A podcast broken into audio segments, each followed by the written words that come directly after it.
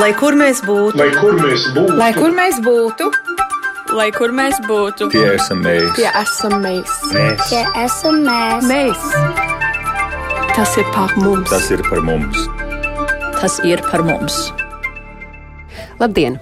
Kāpēc ārlatviešiem saziņā ar valsti būtu svarīgi papildus norādītajai adresē ārvalstī deklarēt arī vēl vienu adresi vai nu Latvijā vai ārvalstī?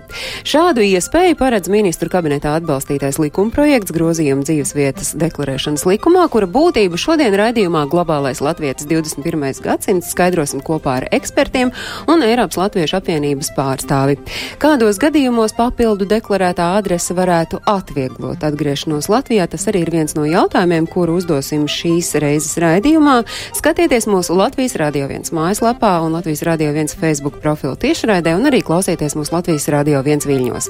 Bet pirms mēs sākam sarunu šeit studijā ar ekspertiem, vispirms mēs sazināsimies ar Santu, Sandu Bogomāzovu, kura Latvijā atgriezīsies 5. jūlijā pagaidām kopā ar meitiņu. Meitiņa rudenī sāks apmeklēt pirmsskolu, un uh, tas, ko mēs ar Sandu šodien mēģināsim noskaidrot, cik lielu lomu lomu spēlē deklarētā adrese, risinot atgriešanās jautājumus. Esiet sveicināti, Sanda! Sveiki! Sanda, cik ilgi bijāt prom un kā jūs e, nonācāt pie lēmuma, ka jūs gribat atgriezties Latvijā? Kāds bija tas galvenais mudinājums? Kāpēc jūs esat nu, pieņēmuši lēmumu, ka jau burtiski pēc dažām dienām būsit Latvijā? Jā, nu kopā jau būs desmit gadi aizvadīti. Un, uh, tā tad Tātad vislielākais um, tas lēmums, kādēļ mēs atgriežamies dēļ mūsu meitiņas, jo viņai tagad sāksies pirmsskola Latvijā, tas ir no 5 līdz 7 uh, gadi. Un uh, tādēļ, lai neko nenokavētu, mums arī ir jāatgriežas Latvijā, jo tagad, ejot šeit Anglijā bērndārzā, nu, protams, viņai angļu valoda iet pa priekšu, un tas tādēļ arī ir svarīgi atgriezties tagad. Risinot šos atgriešanās jautājumus, uh, cik daudz un cik bieži jums prasīja norādīt deklarēto adresi un kur vispār jums šobrīd ir jūsu deklarētā adrese? Uh, principā man nu, bija diezgan viegli, jo es sazinājos ar uh, uh šo te uh, vidzemes reemigrācijas koordinātoru Rīgu Grozu, un viņi man sniedz informāciju uh, kas man ir jānosūta, kādi dokumenti, un uh, es to arī visu izdarīju. Bija Sakiet, kas jums bija jānosūta un kādi bija tie dokumenti, Jā, kas jums bija jāsūta? Tēsu novada pašvaldībai sūtīja iesniegumu pieteikumu skolā. Tas man bija, un tur bija jānorāda faktiskā adrese un arī deklarēta adrese. Es norādīju faktisko adresi tagad, ang, ang, kas ir Anglijā, Un uh, deklarēto adresi es minēju, kad es atgriežos Latvijā jūlija sākumā. Un pie tā es arī, pie tā es arī paliku tādu teikumu, es uzrakstīju, ka de, deklarāciju veikšu Latvijā jūlija sākumā.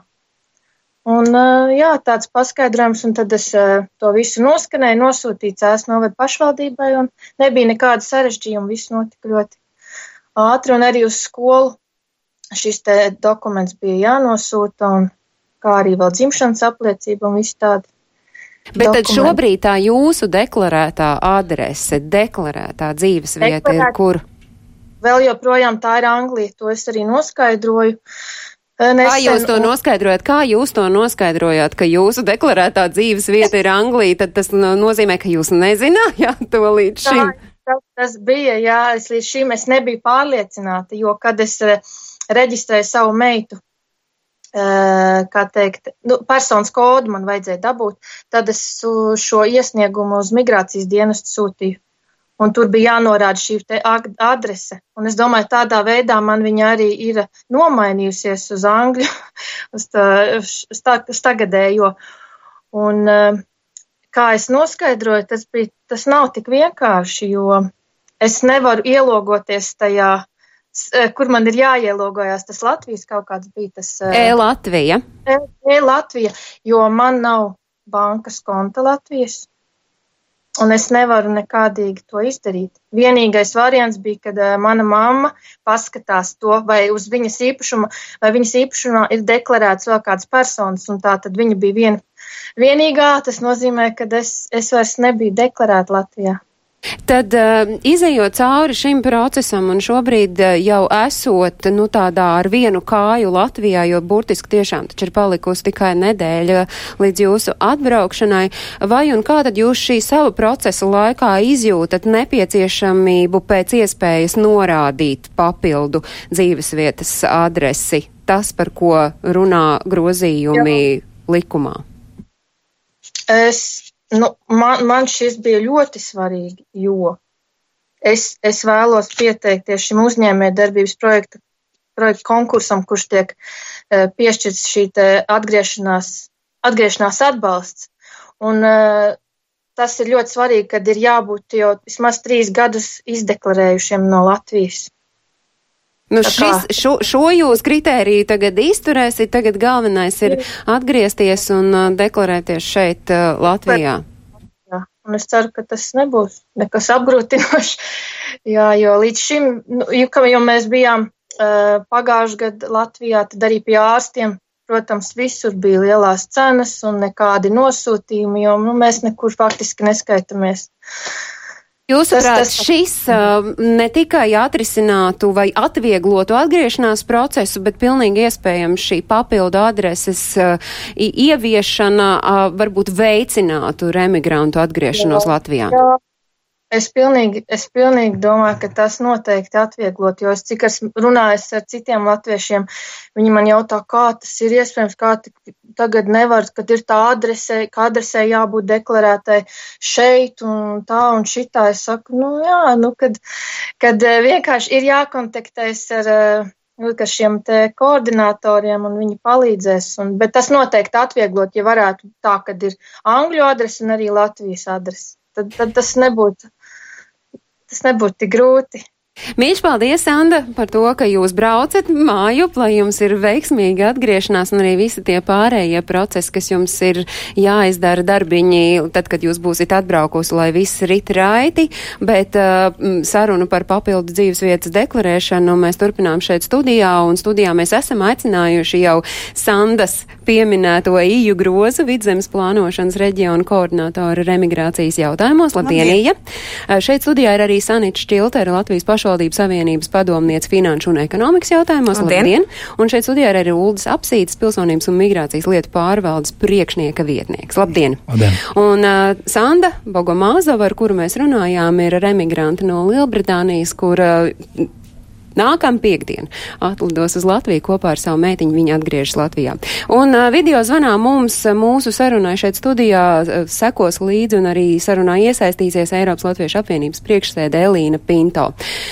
Kamēr sakarus mēs vēl saliekam kopā, tas aktuālākais, kas šobrīd izskanēja sarunā ar Sandu, ka tad, kad tu cilvēks dzīvo prom, tad tu esi nu, nedaudz tādā informācijas vakumā, tu pat nevari uzzināt, kur tad tu īsti esi vai tu esi deklarējies Latvijā. Tas, kas, tas ko minēja Sanda savā gadījumā, tas ir tajā mirklī, ja tev nav EID, un ja tev nav arī bankas konta šeit Latvijā. Internetbankas, jā. Internetbankas, jā. Tātad, ko mēs, kā jūs redzat, kā cilvēks, kurš nedzīvo Latvijā, šobrīd šeit, eh, šobrīd dzīvojot ārpus Latvijas, var noskaidrot, kādas uh, ir viņas saistības ar, ar deklarēto dzīves vietu šeit Latvijā?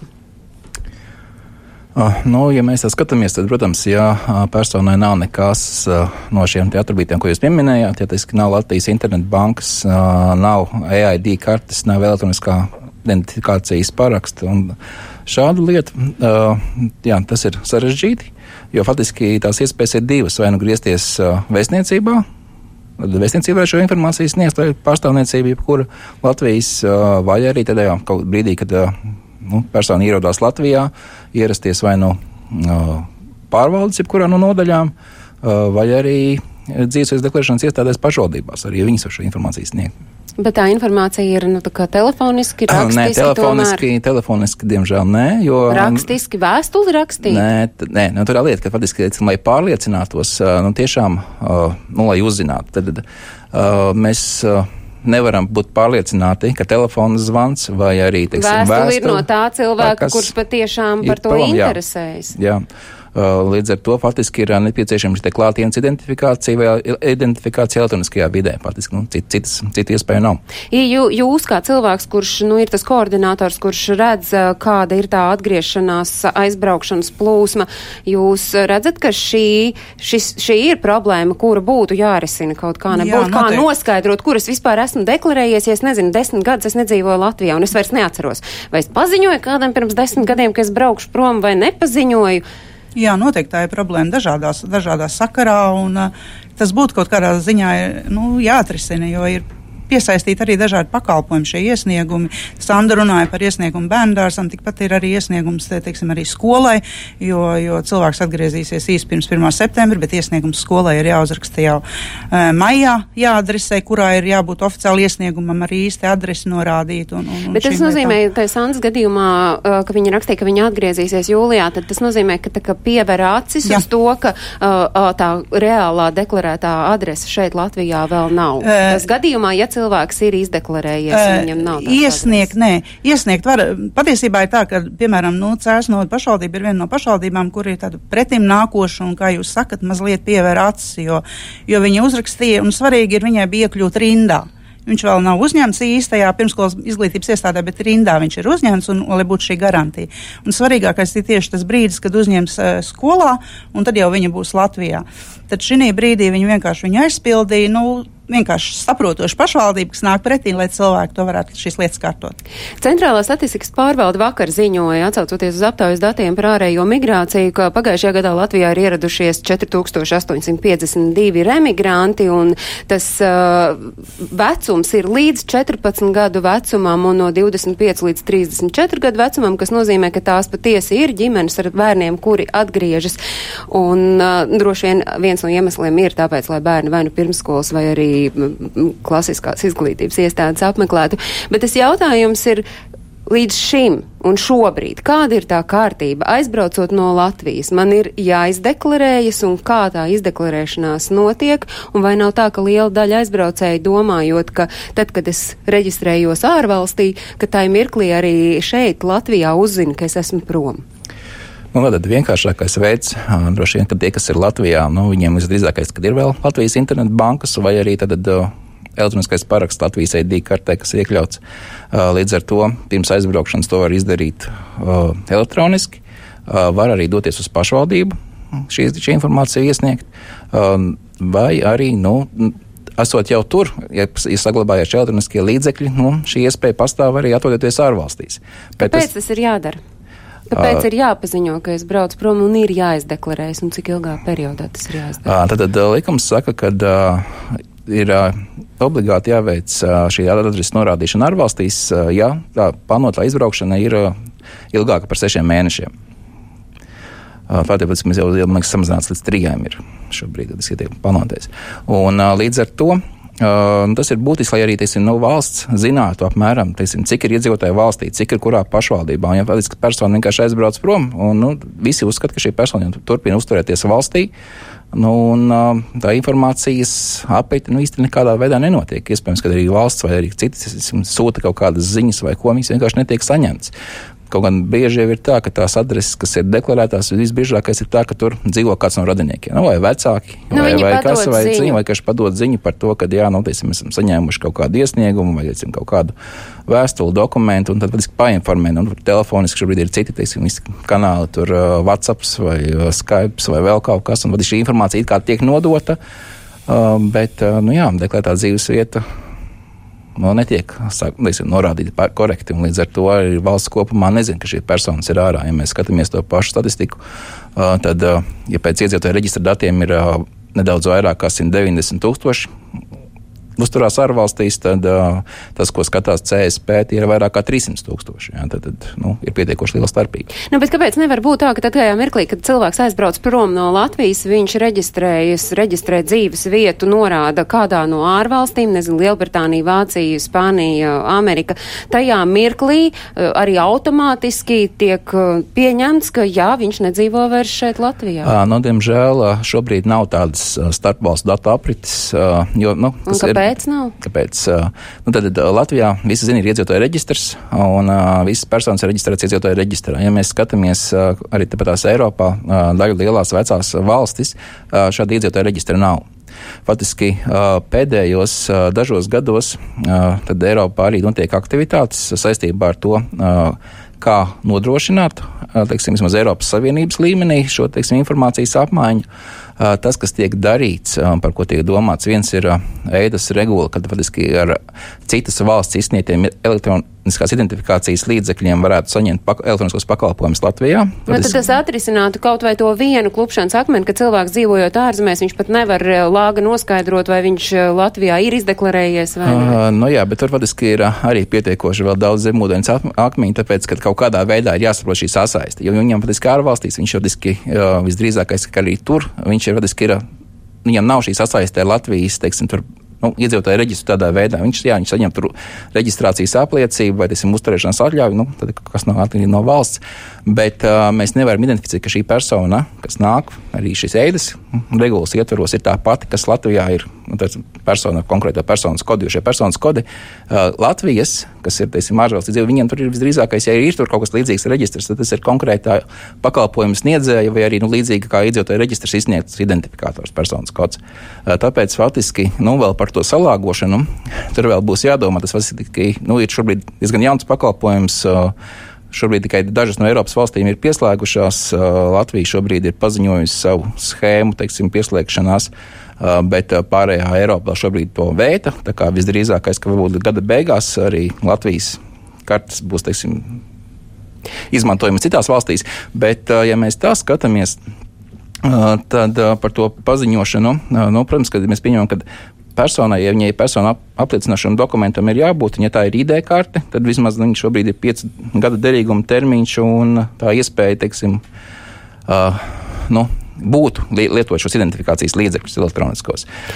Labi, bet uh, tas pats svarīgākais ir tas, ka ministru kabinets ir atbalstījis likumprojektu grozījumu dzīvesvietas deklarēšanas likumā, kas tad paredzētu, ka persona, kurai ir norādīta adrese ārvalstīs, būs atļauts norādīt vienu papildu adresi vai nu Latvijā vai ārvalstīs. Un klausoties to, ko līdz šim mēs izrunājām, es nevaru nepiekrist tam, ko Elīna Pinto, Eiropas Latviešu apvienības priekšsēdi, ir teikusi, ka līdz šim pastāvošā deklarētās dzīvesvietas sistēma ir tik neveiksmīga un tik samudžināta izstrādāta, ka ārpus Latvijas esošos ta tautiešus absolūti nemotivē paziņot par savu faktisko dzīvesvietu. Iesaistām sarunā Elīnu. Elīna.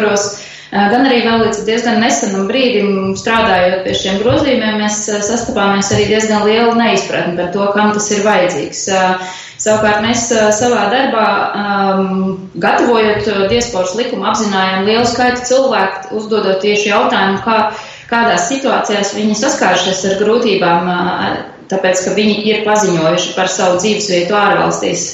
Un tur bija virkni jautājumu, kas saistīti gan ar šo iestāšanos bērnu dārza rindās, gan reģistrēšanos skolās, gan arī par iespēju tikt pie ģimenes ārsta pensionāriem, ir, kas ir Latvijas pensijas saņēmēji, līdz ar to ir tiesīgi arī Latvijā izmantot ģimenes ārsta pakalpojumus gan darījumu bankās un uh, Tāpat arī kapavietas rindā pieteikties ir nereti grūti pašvaldībā, ja tu neesi tajā reģistrēts jūrmalniekiem, ir jāmaksā par iebraukšanu savā dzimtajā pašvaldībā, pat ja viņiem joprojām tur ir īpašums, bet viņi tajā nav deklarēti, un citu, virkne citu šo praktisko apgrūtinājumu. Un tāpēc, kad mēs iesniedzām šo priekšlikumu, mums bija mērķis divējāds. Viens - atvieglot diasporas cilvēkiem dzīvi, un otrs - atvieglot dzīvi Latvijai. Jo, kā jau apsiškums minēja, tad arī Latvija gan valsts, gan pašvaldības interesēs būtu zināt par, par to, cik reāli Latvijā ir iedzīvotāji. Tas palīdzēs plānot gan ceļu tīklus, skolu tīklus, gan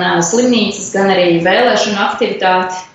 Gan arī pat valsts aizsardzības mobilizācijas plānus, kas nav iespējami, ne, nezinot to, cik reāli cilvēki dzīvo Latvijā. Uh, Un um, šobrīd man ir prieks, ka ministrs kabinets ir atbalstījis šos uh, grozījumus. Uh, un ceru arī, ka saimta tos atbalstīs, uh, bet darba vēl ir daudz, tāpēc, ka tiesporas likuma izstrādē mums izdevās panākt nu, šo principu ieviešanu, bet no konkrētajiem praktiskiem jautājumiem šī papildu dzīvesvieta šobrīd ir attiecināta tikai uz bērnu pieregistrēšanu bērnu dārza rindās un skolās. Bet, kā jau minēju, šis praktisko jautājumu lokus, šīs administratīvie jautājumu lokus ir e, plašāks. Un, kā mums norādīja dažādas ministrijas, par, par katru no šiem jautājumiem mums pēc tam ir jāiet un atsevišķi jācīnās katrā atbildīgajā gan ministrijā, gan arī pašvaldībās, jo, piemēram, tādas lietas arī kā šī kapavietu jautājums, tas ir pašvaldību regulējums. Tā kā darbs mums vēl stāv arī priekšā, bet, nu, balstoties uz to praktisko pieredzi, mēs redzam, ka šis būtu viens no veidiem tiešām kā atvieglot gan to ikdienas saikni diasporas cilvēkiem ar Latviju, gan arī sekmēt atgriešanos. Paldies, Elīna, ņemot vērā, ka ministru kabinets ir šos grozījumus pieņēmis.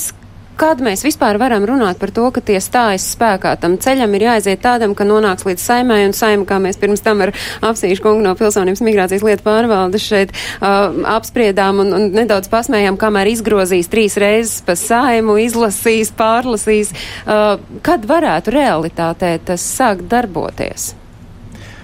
Nu, tur ir divas lietas. Viens ir uh, laiks, kamēr uh, saima pieņem šos grozījumus. Tas varētu droši vien, ka nezinu, pieņemsim tā veiksmīgi būt varbūt līdz Ziemassvētkiem. Nu, tas tāds puslīdz saprātīgs termiņš. Uh, bet otra lieta ir uh, arī pakārtotās lietas. Faktiski, lai šo te visu varētu daudz maz vieglāk izdarīt, tiek plānots arī pilnveidot elektroniskos pakalpojumus. Uh, bet, lai tos pilnveidot, faktiski ir jābūt vismaz pieņemtam arī likumam, jo savādāk mēs arī nevaram investēt kaut kādas finanses šo pakalpojumu izstrādē un ieviešanā.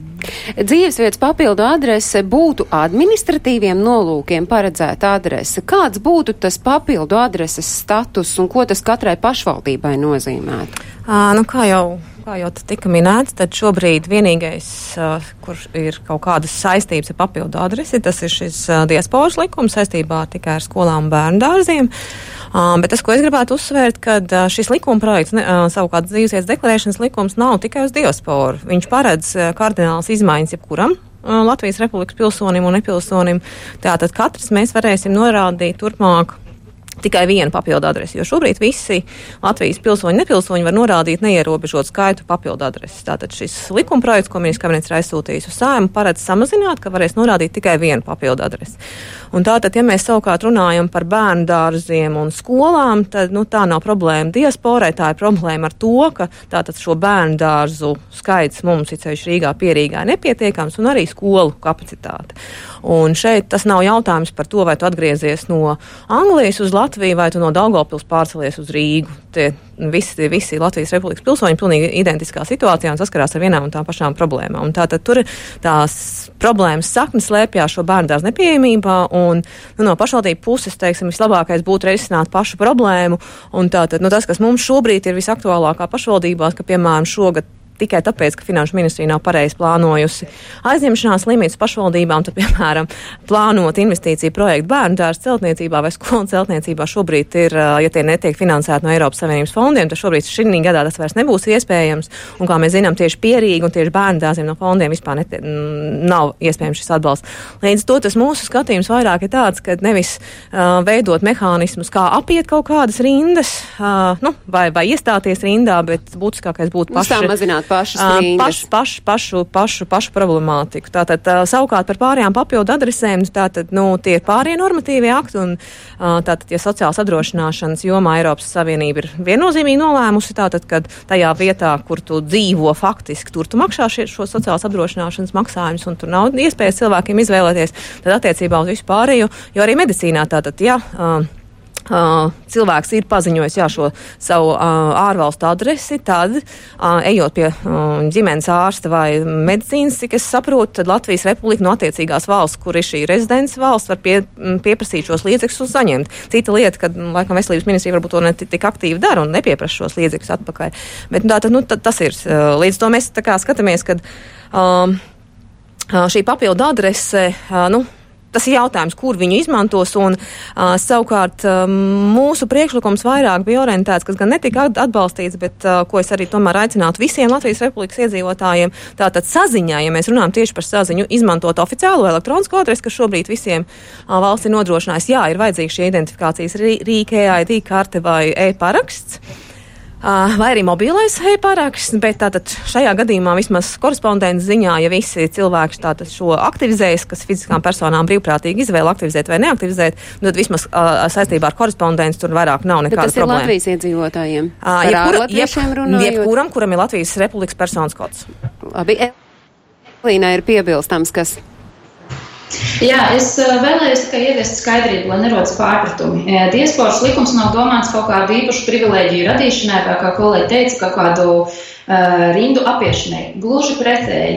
Mēs esam tieši par to, ko, par šīm vajadzībām, kādas ir ikvienam Latvijas cilvēkam, tas skaitā arī bērndārzu skaitu palielināšanu. Bet, ja tu esi kā likuma paklausīgs pilsonis, dzīvojot ārzemēs, paziņojis par to, ka tava dzīves vieta ir ārvalstīs, tev pat nav iespēja šajā rindā iestāties. Te netiek runāts par to, ka tiek kaut kādas rindas apietas. Mēs vienkārši vēlamies iestāties tajā pašā rindā, kurā mēs varētu tad tos uh, nereti pat vairāk kā gadu, uh, kas ir vajadzīgs, vai pat ilgāk, atkarībā no vietas, uh, lai sasniegtu šo bērnu dārzu. Tad šajā laikā mēs nedzīvotu Latvijā uz Latvijas nodokļu maksātāju rēķinu, bet varētu turpināt savu dzīvi ārvalstīs un atgriezties tad, kad bērnam ir vieta bērnu dārzā un kad mēs spējam līdz ar to iesaistīties pilnvērtīgi darba tirgu vai uzņēmējdarbībā. Otrkārt, tika pieminēts arī šis te par veselības aprūpi. Kā jau es norādīju iepriekš, tad mēs runājam tikai par, piemēram, cilvēkiem kā pensionāri, kuri ir visu dzīvi Latvijā šo te sociālās iemaksas veikuši un tagad, piemēram, aizbra un saņem Latvijas pensiju, bet tagad ir aizbraukuši pie saviem bērniem ārvalstīs, lai koptu viņu mazbērnus. Šiem cilvēkiem ir tieši tādas pašas tiesības kā jebkuram Latvijā dzīvojušam Latvijas pensijas saņēmējiem tik pie ģimenes ārsta, bet šobrīd ģimenes ārstiem ir tiesības atteikt vispār viņus uzņemt savā praksē. Līdz ar to šeit nav runa par privilēģijām, šeit ir runa par tādiem praktiskiem šķēršļiem, ko Latvijā gan politikas veidotāji, gan ikdienas cilvēki pat nepamana. Ka mums ir, lai mēs kļūtu līdztiesīgi stāvot rindā, mums ir vēl jāpārvar vēl viens šķērslis. Un tie ir tie sīkumi, kurus mēs varam bez papildus izmaksām novērst, lai cilvēkiem tiešām būtu daudz vieglāk ikdienā to saikni uzturēt un atgriezties Latvijā.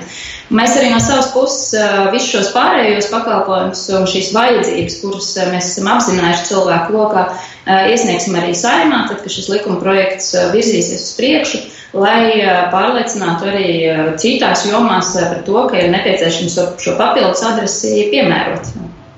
Paldies! Uh, jā, nu, man gan piebildi tātad, nu, Daugavpils iedzīvotājs, kas grib pārcelties uz Mārupi, uh, viņš nevar norādīt papildu adresi Mārupē un tāpēc iestāties rindā. Līdz to šajā šīs tiesības izmantot tātad attiecībās pirmskolas izglītības iestādēm, tātad normatīva aktā ir iekļauts tikai uh, diasporas likumā. Latvijas republikas iedzīvotājiem papildu adresi tātad neviens normatīvais akts šobrīd uh, neparedz izmantot kā pamatu uh, vai skolas izvēlē vai, nu, vai teikt pašās rindās. Bet, ja mēs runājam par papildu adreses ieviešanu un par diasporu, jūs ikdienā sastopoties ar cilvēkiem, kuri brauc mājup, kuri grib braukt mājup, ko, kā, kuras jomas, jūsuprāt, nu, ja mēs tagad skatāmies, ir bērnu dārs un, un izglītība, tur ir iekļaut, kuras tad vēl būtu tās akūtākās no tām, ko Elīna pieminēja? Jau? Tas, ko cilvēks saka, tā ir arī šī veselības apdrošināšana. Un, jā, arī tie ir tās sadzīviskās lietas. Tā, tad, tad, tad, Nu, varbūt jā, tie ir tāds nu, dzīves vietas nodrošināšana, arī tagad runājam par to pašu uzņēmējdarbības, to grantu konkursu, kas arī būs, kas ir būtiski cilvēkiem, par ko viņi ir nu, pārsteigti, ka viņi nav, nu, nevar, ka viņi kaut kādā ziņā viņi ir. Pēc būtības mēs zinām, viņš ir emigrants un, un dzīvojis daudzus gadus uh, ārzemēs, bet uh, sakarā ar šo dzīves vietu, kur viņam nav ne, norādīta, viņš vienkārši nevar pieteikties šajā konkursā. Un vai tas būtu dārgi? Tas, šī papildu adreses ieviešana, tas izmaksātu kam, ko, cik, vai jūs zināt? Nā, nu, ja mēs skatāmies, tad diasporas statistiski sadaļa, tie ir 83,000 apmēram. Latvijā vai eiro attiecīgi nu, visas tās sistēmas kopumā ieviešana Latvijā, nu, tad vēl plus 91. À, savukārt, nu, pašvaldības savienības tātad. Um, Tātad tās papildu adreses ir eksistējošas. Tātad, jebkurš Latvijas Republikas iedzīvotājs var norādīt šobrīd neierobežot papildu adresu skaitu. Viņš tas pakalpojums netiek izmantots tieši tāpēc, ka tās papildu adreses gandrīz netiek nekur izmantotas. Tas, kas mums bija un ko mēs arī norādījām ministra kabinetam, ka mēs īstenībā nesapratām, kāpēc vajadzīgs grozīt deklarēšanas likumu, tāpēc, ka gan no iedzīvotāja reģistra likuma, gan no eso spēkā esošā dzīvesvietas deklarēšanas likuma, tātad šos, šīs papildu adreses arī tie, kas ir izbraukuši uz ārvalstīm, mūsu ieskatā jau šobrīd likums atļauj to, to norādīt. To ne, to ne ne, to neatļauj norādīt uz šī likuma pamata izdotie ministra kabineta noteikumi. Un tātad nu, mūsu priekšlikums pilsonības migrācijas lietu pārvaldē bija grozīt šos pašus ministra noteikumus, kas būtu ātrāks ceļš, nevis pašu likumu. Bet, nu, katrā gadījumā valsts sekretāra sanāksmē tātad šis tika izrunāts, un uh, valsts cienījamie valsts sekretāri teica, ja sājuma ar likumu ir uzdevusi grozīt tieši deklarēšanās likumu, tad, tad mēs izpildīsim sājumas doto uzdevumu un grozīsim tieši deklarēšanās likumu. Ja? Jo šīs papildu adreses tiešām šobrīd ir eksistējošas iedzīvotāju reģistrā. Es atceros vēl vienu būtisku lietu, kur ir šī deklarētā dzīvesvietas adrese vajadzīga, ir CSDD autovadītāja apliecības. Ir bieži vien cilvēki, kas atgriežoties Latvijā, viņš grib nu, nokārtot vēl papildus kategorijas, lai viņš arī varētu strādāt, vai ir jāmaina šīs autovadītāji, bet ir šie seši mēneši, kur viņam ir jābūt bijušam Latvijā. Un ir tā, ka tās situācijas ir dažādas. Viņš pat, patiesībā ik pa laikam viņš ir Latvijā katru gadu, gandrīz ir Latvijā viņš nodzīvojis, bet pēc, pēc deklarēšanas viņš tur, vai arī atgriežoties, viņš nevar tikt.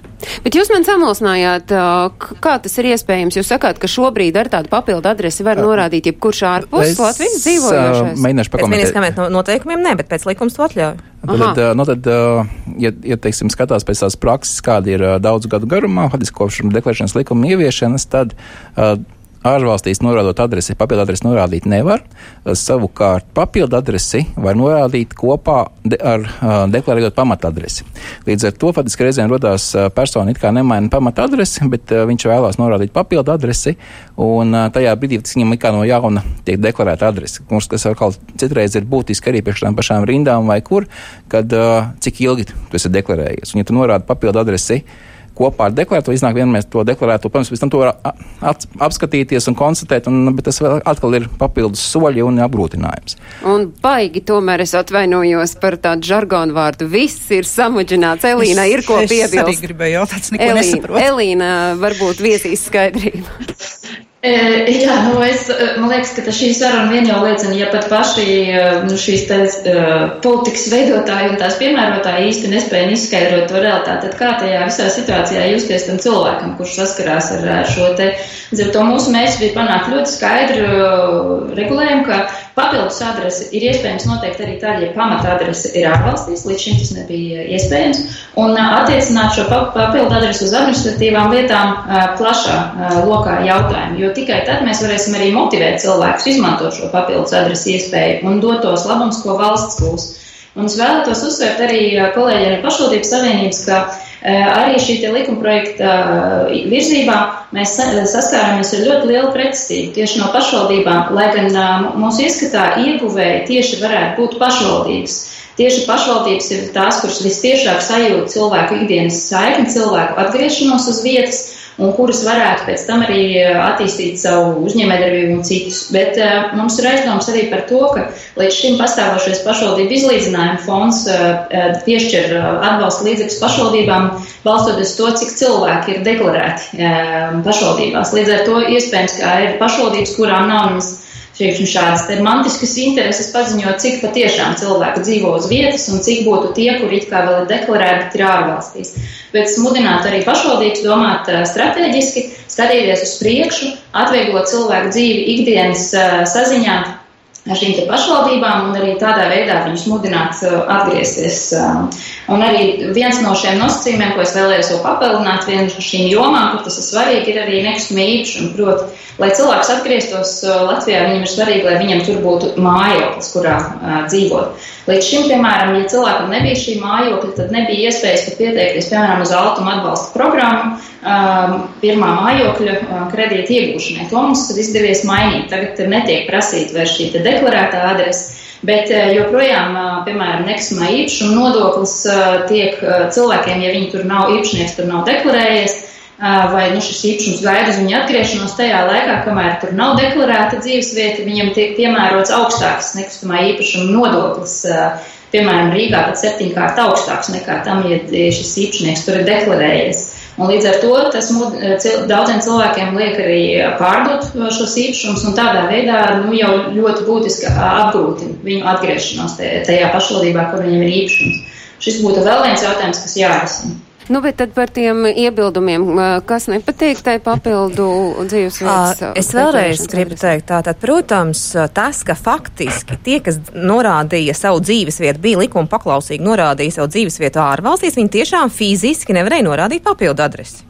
Savukārt visi tie, kas nenorādīja savu dzīvesvietu ārvalstīs, bet norādīja jebkuru kaut vai šo studiju, ko dzīvesvietas deklarēšanas likums brīvi pieļauj Latvijā LV nodeklarēt ar jebkuru adresi, varēja norādīt neierobežot skaitu papildu adrešu. Tas, ko mēs vērsām uzmanību, ka tātad neviens no likuma viedokļiem, tātad izņemot šo, šo um, diasporas likumu, kas uzdod grozīt dzīvesvietas deklarēšanas likumu, ka šie iemesli un šķēršļi ir ministra kabineta noteikumos. Un, protams, arī mums ir prak, eh, pieredze, ka ļoti bieži saimā šīs dzirdīgās ausis ir panākt vienkāršāk nekā uh, ministriju un vai ministra kabineta uh, ganģos, bet tādā veidā mēs veicinām šo tiesisko nihilismu, ka mēs tātad likumus var nepildīt, uh, var viņus sašaurināt ar dažādiem ministra kabineta noteikumiem, un mēs um, veidojam šo, veicinām normatīvismu, ka katrai tātad uh, ne tikai ministra kabineta noteikumus pārvēršās par uh, instrukcijām, par instrukcijām, pārvēršas mums arī likums. Tātad, bet tā, tas, ko es vēlreiz gribu uzsvērt, tātad iesniegtais dzīvesvietas deklarēšanas likuma grozījums nerunā tikai par to, ka diaspora varēs norādīt papildu adresi. Papildu adresi varēs norādīt jebkurš iedzīvotājs tikai vienu papildu adresi.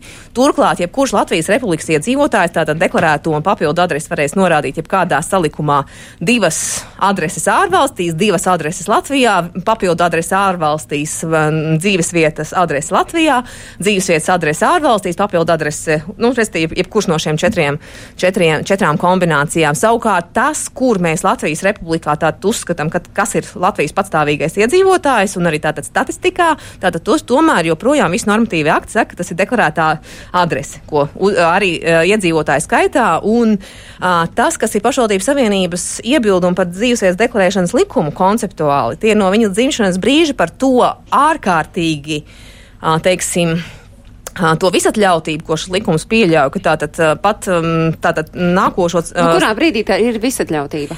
Ka jebkurš cilvēks deklarētu adresi var norādīt jebkurā adresē, un īpašnieks to pat neuzzina.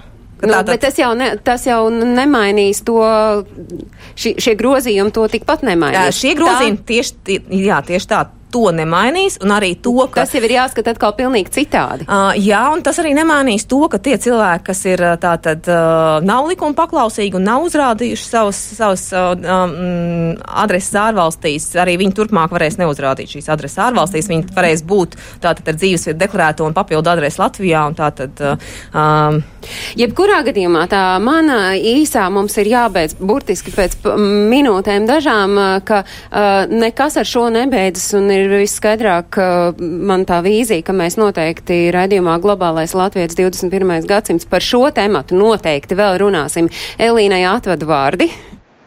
Jā, paldies par šī jautājuma atkārtot aktualizēšanu. Mēs pie tā turpināsim strādāt. Vēl, protams, ir arī tas, ka šo, šobrīd pastāv arī sots, administratīvais sots cilvēkiem, kuri nav paziņojuši par savu dzīvesvietu ārvalstīs.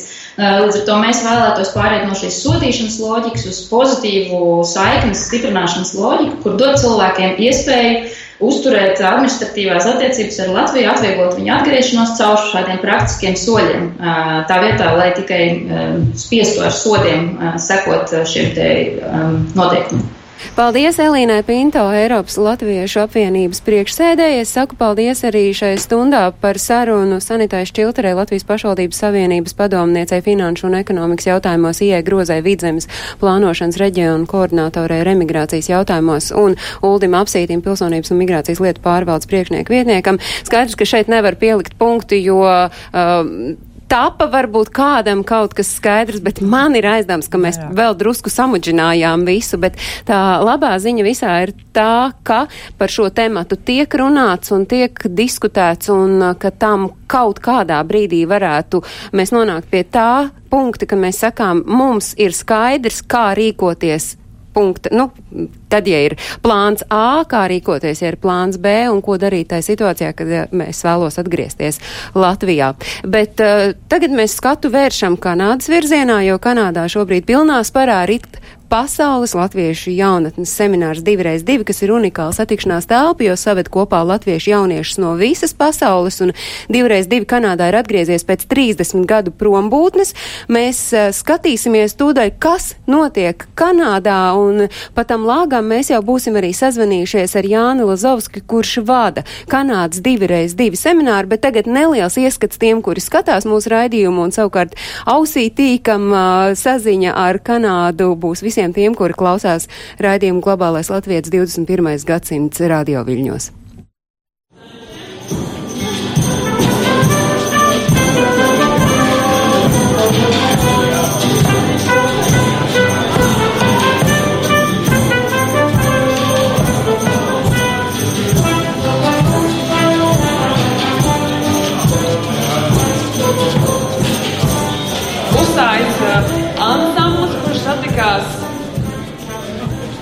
Pirms divām stundām.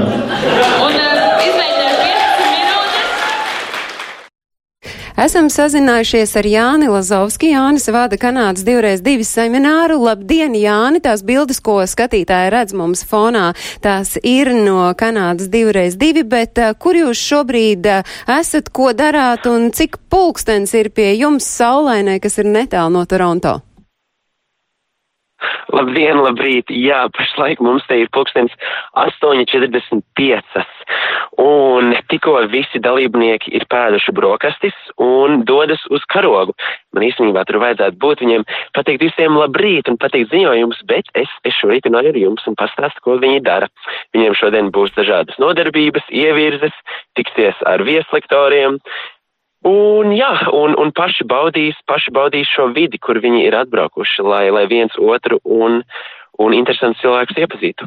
Cik tad ir jaunieši sabraukuši no kurienes un uh, varējāt jau tomēr uh, ar to datoru aizskriet arī līdz tam karogam, lai mēs visi varētu sazināties, bet cik tad ir sabraukušo? Mums ir sabraukuši 67 dalībnieki, galvenokārt no Amerikas un Kanādas, un arī no Latvijas apmēram trešdaļa, bet mums ir arī no tālām zemēm, kā piemēram Austrālija, ir arī no Dānijas, man liekas, arī teiks, no Zviedrijas, tā kā no visurienes. Tas jau skaitās tāds pasaules latviešu jūnata seminārs. Un es, es tiešām ļoti, ļoti vēlētos, eh, lai visi ar jums var aprunāties, bet te ir ļoti slikts internets savienojums gandrīz visur, un pat arī zonas te nekur nav. Mēs tiešām esam dziļi, dziļi mežā. Bet tas, tas ir tā jauka no vienas puses, jo tā mēs, tā mēs vienkārši koncentrējamies, fokusējamies viens uz otru un uz, eh, un uz to to, to personīgo, to aktuālo un, un nedomājam par to, kas ir aiz robežām. Jā, jā, un izskatās, ka jūs nedrīkstat vispār nekur izkustēt no vietas, jo tie sakari paliek tādi šaubīgi. Ar kādiem lektoriem jau ir bijušas tikšanās un par kādiem tematiem ir runāts un kas vēl ir paredzēts? Mums ir bijuši vairāk lektori. Mums vakardien ciemojās Ilze Matīsa, Ziga Miežīša meita, šodien ciemojas Baņuta Rubesa, un tās tēmas ir nu, ļoti bieži saistās ap, ap identitāti, to, to, ko mēs, ko mēs vedam tālāk, kā mūsu individuālās kultūras saistās viena ar otru, jo katram no mums jau ir ļoti neparasts stāsts. Mēs, mēs esam uzauguši vienā, divās, reizēm pat trīs valstīs, ceļojuši apkārt, pieredzējuši daudz, un tie vieslektori ar savu pieredzi cenšas to, eh, tās, tās diskusijas starp mums veicināt ar, ar kaut kādiem, nu, ar plašiem skatījumiem.